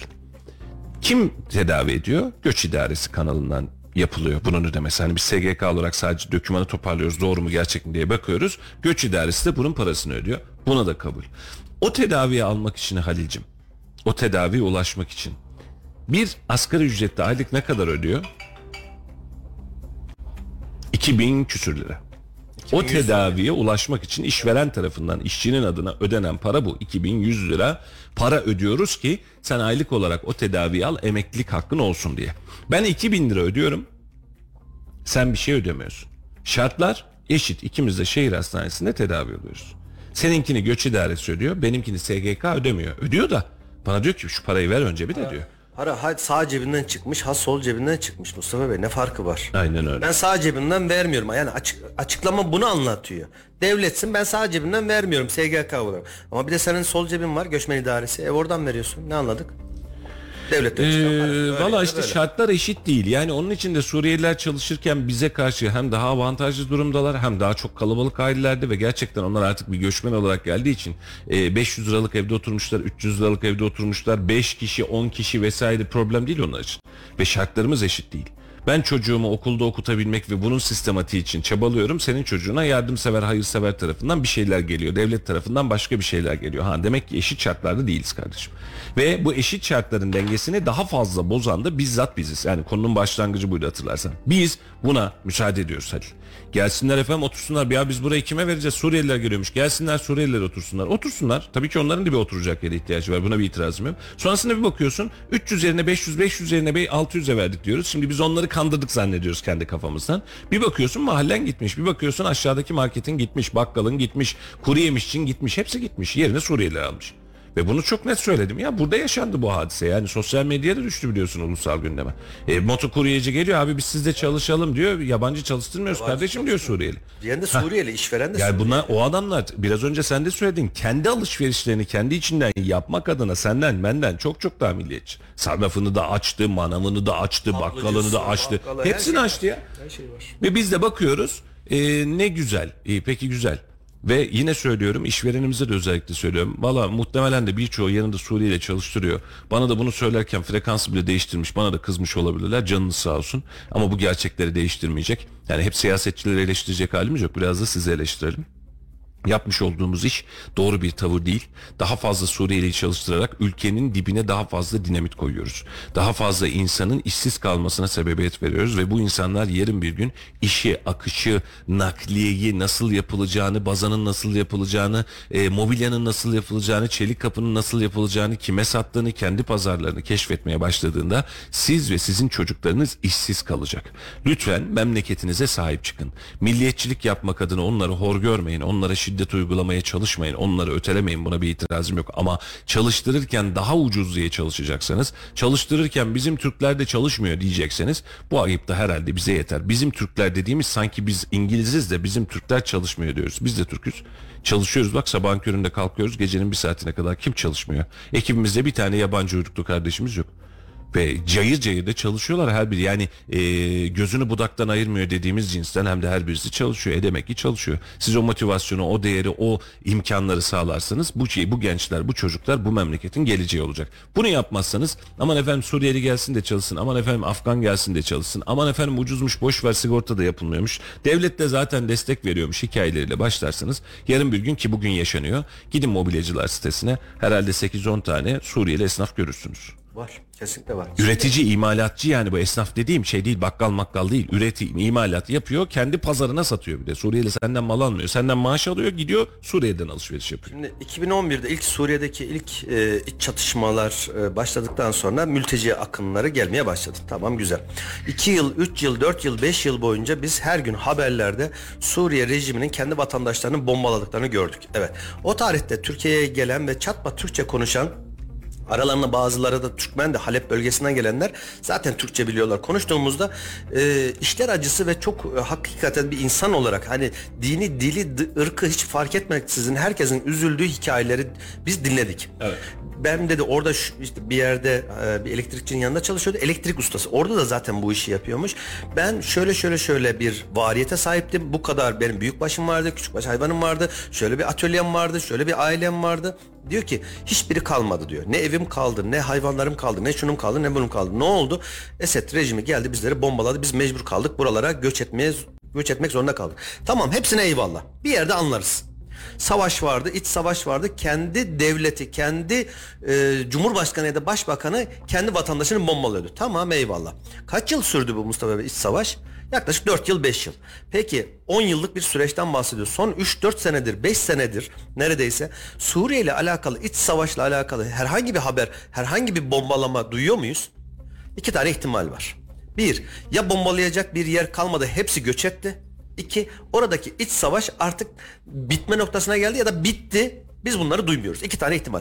Peki o zaman ikinci ihtimalde eğer oradaki iç savaş bitti artık normal hayat seyrine devam ediyorsa buradakileri artık yavaş yavaş göndereceksin. Yavaş yavaş değil hatta hızlı hızlı göndereceksin. Bakın artık bir anlamda Cumhurbaşkanımız da beyaz bayrak çekti ben Esed'le de görüşürüm dedi. Sorun değil. E, Tamam görüş. Görüş hızlı görüş. Beyaz Görüş bayrak nasılsa- demeyelim de o pes etmek anlamına gelir. ee, yani ya da konjonktür Ba- ba- zeytin dalı strateji. uzattı diyelim. Zeytin dalı uzattı. Şu ya da bu sebeple. Bakın sorgulamıyorum. Hangi sebep olduğunu sorgulamıyorum. Ama sonucu güzel olacaksa o zaman o zeytin dalını da uzatacaksın. Nasıl ki Ukrayna Rusya arasında sen güzel bir diplomasi oluşturdun. Tüm dünyanın takdirini kazandın. Doğruya doğru. O zaman sen Esed'le de bir şekilde orta yolu bulup o vatandaşları Peki tekrar ülkelerine burada göndereceksin. muhalefetin birçok kanadı bunu yaptı. Esed'le Esad'la görüşmen lazım dedi. Geçtiğimiz 5-8 yıl boyunca. Doğru mu? evet. Hatta kendilerini e, milletvekillerinde görüşenler de oldu. Şimdi bak yansıdı. o gün bunları kabul etmediğimizde biz işte siyaseti partizanca yapınca taraftar tutuyormuş gibi yapınca Türk toplum özelinden söylüyorum Halil tablo böyle ortaya çıkıyor. Yani HDP bile söylüyorsa otur bir düşün doğruluk payı var mı acaba diye daha tedbirli ol. Bak daha tedbirli ol. Yani bunun altından bir e, çapanoğlu çıkar mı acaba diye bunu düşün ayrı bir hadise. Ama insanlar size bazı tekliflerde bulunuyorsa biz bu görüşmeleri bu iletişim çemberini bundan 5 yıl önce 8 yıl önce yapmış olsaydık daha az göçmen alacaktık. Belki de şimdiye kadar gönderme sürecimiz başlayacaktı. Hani bizi biz, biz bunu siyasetçiye yarın bir gün sorsak bize şöyle söyleyecek efendim bilmediğiniz şeyler var. Bizim bilmediğimiz çok şey var. Sizin de bilmediğiniz çok şey olduğu gibi. Memleketin geleceğiyle alakalı bilmediğimiz çok şey var ve bunun dinamiklerini şimdiden döşetiyoruz memlekete. Ee, ve bu anlamda gerçekten sana katılıyorum Ali'cim. Bugün görüşülmesi bir gün dahi olsa geç. Bu görüşmelerin sağlanması, bu barışın sağlanması, bu insanların o bölgeye mecburiyetten yerleştirilmesi. Mesela geçici sığınma veriyorsun doğru mu? Geçici koruma veriyorsun. Bak adı üstünde geçici Geçici. kalıcı olarak gitmen gerekiyor. Biz bu sana geçicilik kardeşim. Bir nokta bitti. Türkiye Cumhuriyeti olmanın vatandaşı ne? Misal olarak veriyorum. Atıyorum 500 bin liralık ya da 1 milyon liralık ya da 400 bin dolar mıydı neydi herhalde en son? Öyle bir şeydi ya da 250 bin dolar tam hatırlamıyorum. Konut almak getirsin o parayı. E, Birçoğu getiremeyecek. Git abi o zaman. Sen vatandaşım değilsin. Ha buna da süre ver. Hemen bugün yarın deme. De ki bugün itibariyle başta 2023'ün sonuna kadar gitmen gerekiyor. Olmadı mı? 2024'ün sonuna kadar gitmen gerekiyor. Problem değil. Ben bir sene iki seneye razıyım. 11 yıl geçmiş zaten geçen. Ama bu insanları göndermek için senin artık bir strateji kurman lazım. Kurmadığımız her strateji okulda okuyamayan çocuğum anlamına, ikili eğitime geçemeyen okulum anlamına geliyor. sağlık hizmetini alamayan Türk vatandaşı anlamına geliyor. Bakın bir tarafta da üzüldüğüm nokta geçenlerde işte bayramlarda kendi memleketlerine gidiyorlar. Bayramlaşıyorlar bir hafta sonra geri geliyorlar. Biz ne yaptık son iki bayramdır? Göndermemeye başladık. Ya niye göndermiyorsun? Süleyman Soylu. Gönder alma. Gönder. De ki giderseniz bir daha gelemezsiniz de. Giden gelemez. Demek ki sen e, bir haftalık 10 günlük bayram tatilini orada geçirecek bir hale geliyorsun. Demek ki orada bir güvenli bir ortam görüyorsun. O zaman kal. Gelme. Ama biz ne yapıyoruz? Yok arkadaş gidemezsin diyoruz. Sınır kapılarını kapatıyoruz. Nasıl anlamsız bir uygulamadır bu? Ama işte Çözemiyorum. Burada da hadisemiz şu. Gidersen gelemezsin diyeceksin de bunlar zaten sınırdan gelmedi ki. Bak lafa gelince kimse kusuruma bakmasın sınır namustur diye ortaya çıkıyoruz. Bu herkes için geçerli. Biz yıllardan beri bu sınırlarımızı ve namusumuzu koruyamıyoruz. Ne Afgan'ı engelleyebildik, ne İran'ı, ne geçişleri, ne Suriye değil, ne Iraklı'yı. Biz engelleyemedik ki zaten ya. Hatırlarsan Türkiye'nin dört bir tarafında mayınlı bölgeler var. Bu Ermenistan sınırında da var, İran sınırında, Irak ve Suriye sınırında çok uzun yıllardır mayınlı bölgeler var. Ermenistan sınırımızda yokmuş. Ahmet Bey askerliği orada yaptı. Yok mu? Nehir var. Peki.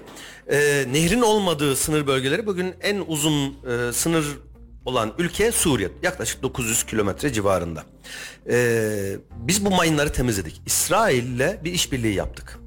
İsrail işbirliğinin amacı neydi? Türkiye'nin sınırlarındaki mayınlı arazilerin işte özel teçhizat, özel işte tanklar ya da özel zırhlı araçlarla onların temizlenmesi. Bu temizlenme işleri ne zaman yapıldı Mustafa Bey? Ne zaman yapıldı Ali Bey? 2007, 2008, 2009, 2010 yıllarında.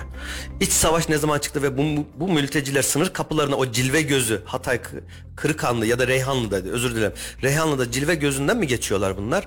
Ellerini kollarını sallayarak. Şimdi insanların kafasında şu oluşmasın ya sınır bölgesi deyince devasa duvarlar var. inanılmaz böyle elektrikli teller var. Yok ya sen buradan birçok yoldan karşıya geçiyor gibi geçiyorsun. Bu kadar 900 kilometre orada sınırda teller yok. Orada bir toprakta bir adım atıyorsun. Türkiye bir adım atıyorsun Suriye. Bu insanlar nasıl geldi? İşte bu şekilde geldi. Elini kolunu sallayarak geldi. Temizlenen mayınlardan dolayı. Şimdi komple teorilerini çalıştıralım. Niye yapıldı o zaman bunlar? Belli bir strateji miydi o tarihlerde? Belki de Halil'ciğim. Kafalarda Belki deli de. soru işareti. Ama mesele şu. Şimdi e, bunu bu lafı şuradan biliyorum. E, hatırlıyor musun? Bir dönem biz Avrupa Birliği'ne kızdık. Resleştik. O Brunson krizinin sonrasıydı herhalde ya da o dönemde tam hatırlamıyorum. Çünkü yardım E, paraları geliyor, ha, aynen geliyor, öyle. gelmiyor Aynen. muhabbeti. Sınırları açarız dedik. Sınırları açarız dedik yetmedi. Aa, Otobüslerle sınır bölgelerine adam taşıdık. Hatta Yunanistan krize girdi biz bu kadar adamı nasıl taşıyacağız diye. Sonra da Süleyman Soylu dalga geçer gibi Yunanistan da dalga geçiyor tabii ki. Şöyle bir açıklama yaptı. Dedi ki ya efendim zaten bu kadar insan geçiyor yılda buradan dedi. Geçiyor.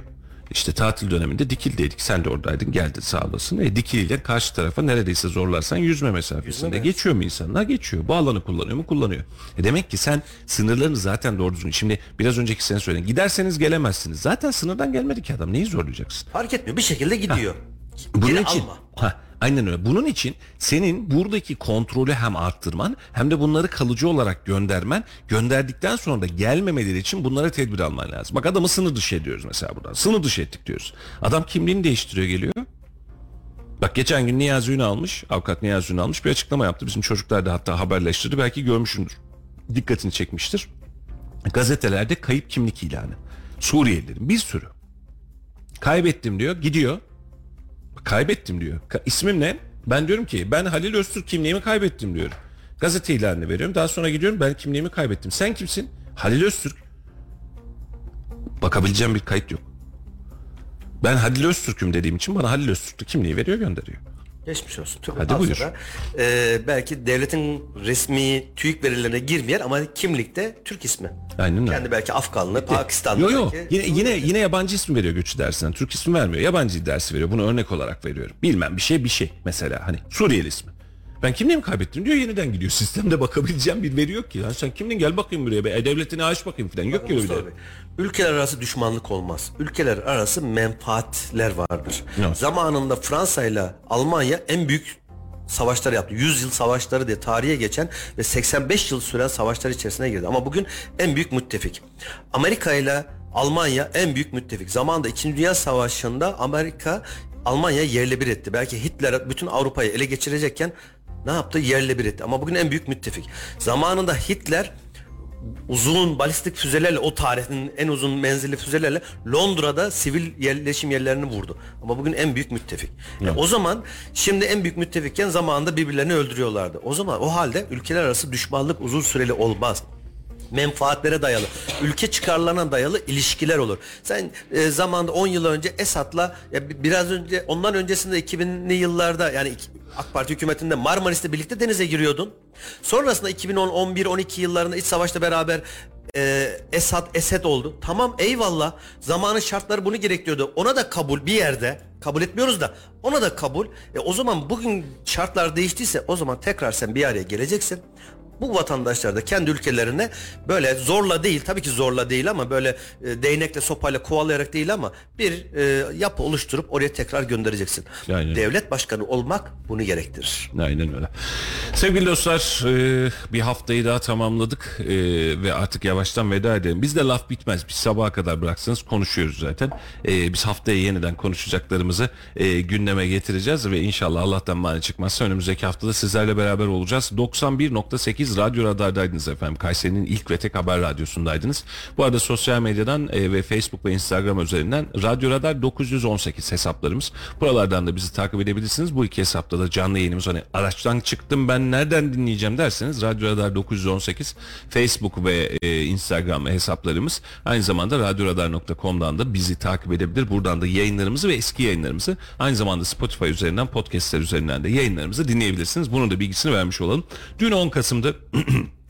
Dün 10 Kasım özelinde de bir e, yayının sonunu en azından böyle gerçekleştirmeye çalıştık. E, sokağa ne sormuşuz? 10 Kasım 2022 Atatürk'ün ölümünün 84. yıl dönümünde Kayseri'de çeşitli etkinliklerde anıldı. Laf Sokak'ta ekibi olarak vatandaşların 10 Kasım'la alakalı düşüncelerini sormuşuz. Vatandaşa kulağımızı vereceğiz. Biz de müsaade isteyeceğiz. Var mı son sözler? Haftayı Çok kapatıyoruz. Mutlu, huzurlu bir hafta sonu geçirmeleri dilekler. Efendim yeni haftada yeni yayınlarla buluşacağız. Radyo Radar dinamizminden kaybetmeden yeni yeni yayınları da sizlere ulaştırmaya devam ediyor. Bir radyodan daha fazlası ve sizin haberleri ulaştıran bir mecradan daha fazlası olmaya devam ediyoruz. Devam da edeceğiz sizlerden gelen desteklerle. Haftaya yeniden görüşmek üzere efendim. Kendinize iyi bakın. Hoşçakalın. Laf Sokak'ta ile baş başa bırakıyoruz. Hoşçakalın. Yani bugün onun yıl dönümü, ölüm yıl dönümü. O yüzden biz de üzünlüyüz. Atatürk bu ülkeye şart biriydi. Yani bir daha gelmesi lazım. Ee, Atatürk deyince yani Türkiye'mizin kurucusu bugün 84. yıl dönüm ölümünün. Bugün Atatürk'ün ölümünün 84. yıl dönümü Kayseri'de de çeşitli etkinliklerle anıldı. Sizin düşünceniz nedir? Yani yapılması gereken yapıldı. Cumhuriyetin kurucusu anıldı anılması da gerekiyor. Yani öyle. Yaptık okulda katıldık. Güzeldi. Devam eder inşallah. Ee, Atatürk deyince yani Türkiye'mizin kurucusu bugün 84. yıl dönüm ölümünün. Ee, her yıl biraz daha pekişiyor bu duygularımız. Evet okuldaydık. Saygı duruşları falan oldu. Yine kutlamalar yapıldı. Bayağı iyiydi. Ee, benim düşüncelerim yani Atatürk gibi bir insan bu dünyaya kolay kolay bir daha gelmez zaten. Yani onun dışında zaten kendisi önderimiz. Bize bu vatanı hediye etti. Gençliği hediye etti. Yani bunun dışında çok fazla söylenecek bir şey yok. Ee, biz gençler olarak Atatürk gerçekten örnek alıyoruz. Yani onun e, öncüllerini, onun yaptıklarını hayatımıza geçirmeyi gerçekten istiyoruz. Yani bugün onun yıl dönümü, ölüm yıl dönümü. O yüzden biz de üzünlüyüz. Evet yani Atatürk'ü anmamız güzel bir şey. Etkinliklere katıldık. Yani atamızı andık. Güzel de. Evet seviyoruz yani kendisini. Sevmeyenleri de sevmiyoruz. Atatürk'ü de seviyoruz öyle. Vallahi ne diyeyim ki? Minnettarla anıyoruz yani. Başka bir şey. Atatürk bu ülkeye şart biriydi. Yani bir daha gelmesi lazım. Ekonominin değişmesi için. Rahmetle, saygıyla, minnetle anıyoruz. Yani benim okuduğum lisede de kutladık. Yani halen daha kutlayacağız. Anmaya da devam edeceğiz. Gurur duyuyorum. Yani atamın soyundan devam ediyorum. güzel bir anı, gü- güzel bir yani atmosfer ama kayıp büyüktür. Ama nasıl diyeyim yani Allah razı olsun. Yani Allah'ı rahmetle anlıyoruz biz onu tamam mı? Güzel bir Türk büyüğüdür. İşi gücü rast gelsin diyeyim. Ülkemizin gerçekten böyle yiğit, böyle insanlara çok ihtiyacı var. Ama bugün bazı şeyler latifeden geçtirir ama bize bırakmış olduğu birçok değerler vardır. O değerleri iyi bilmemiz lazım.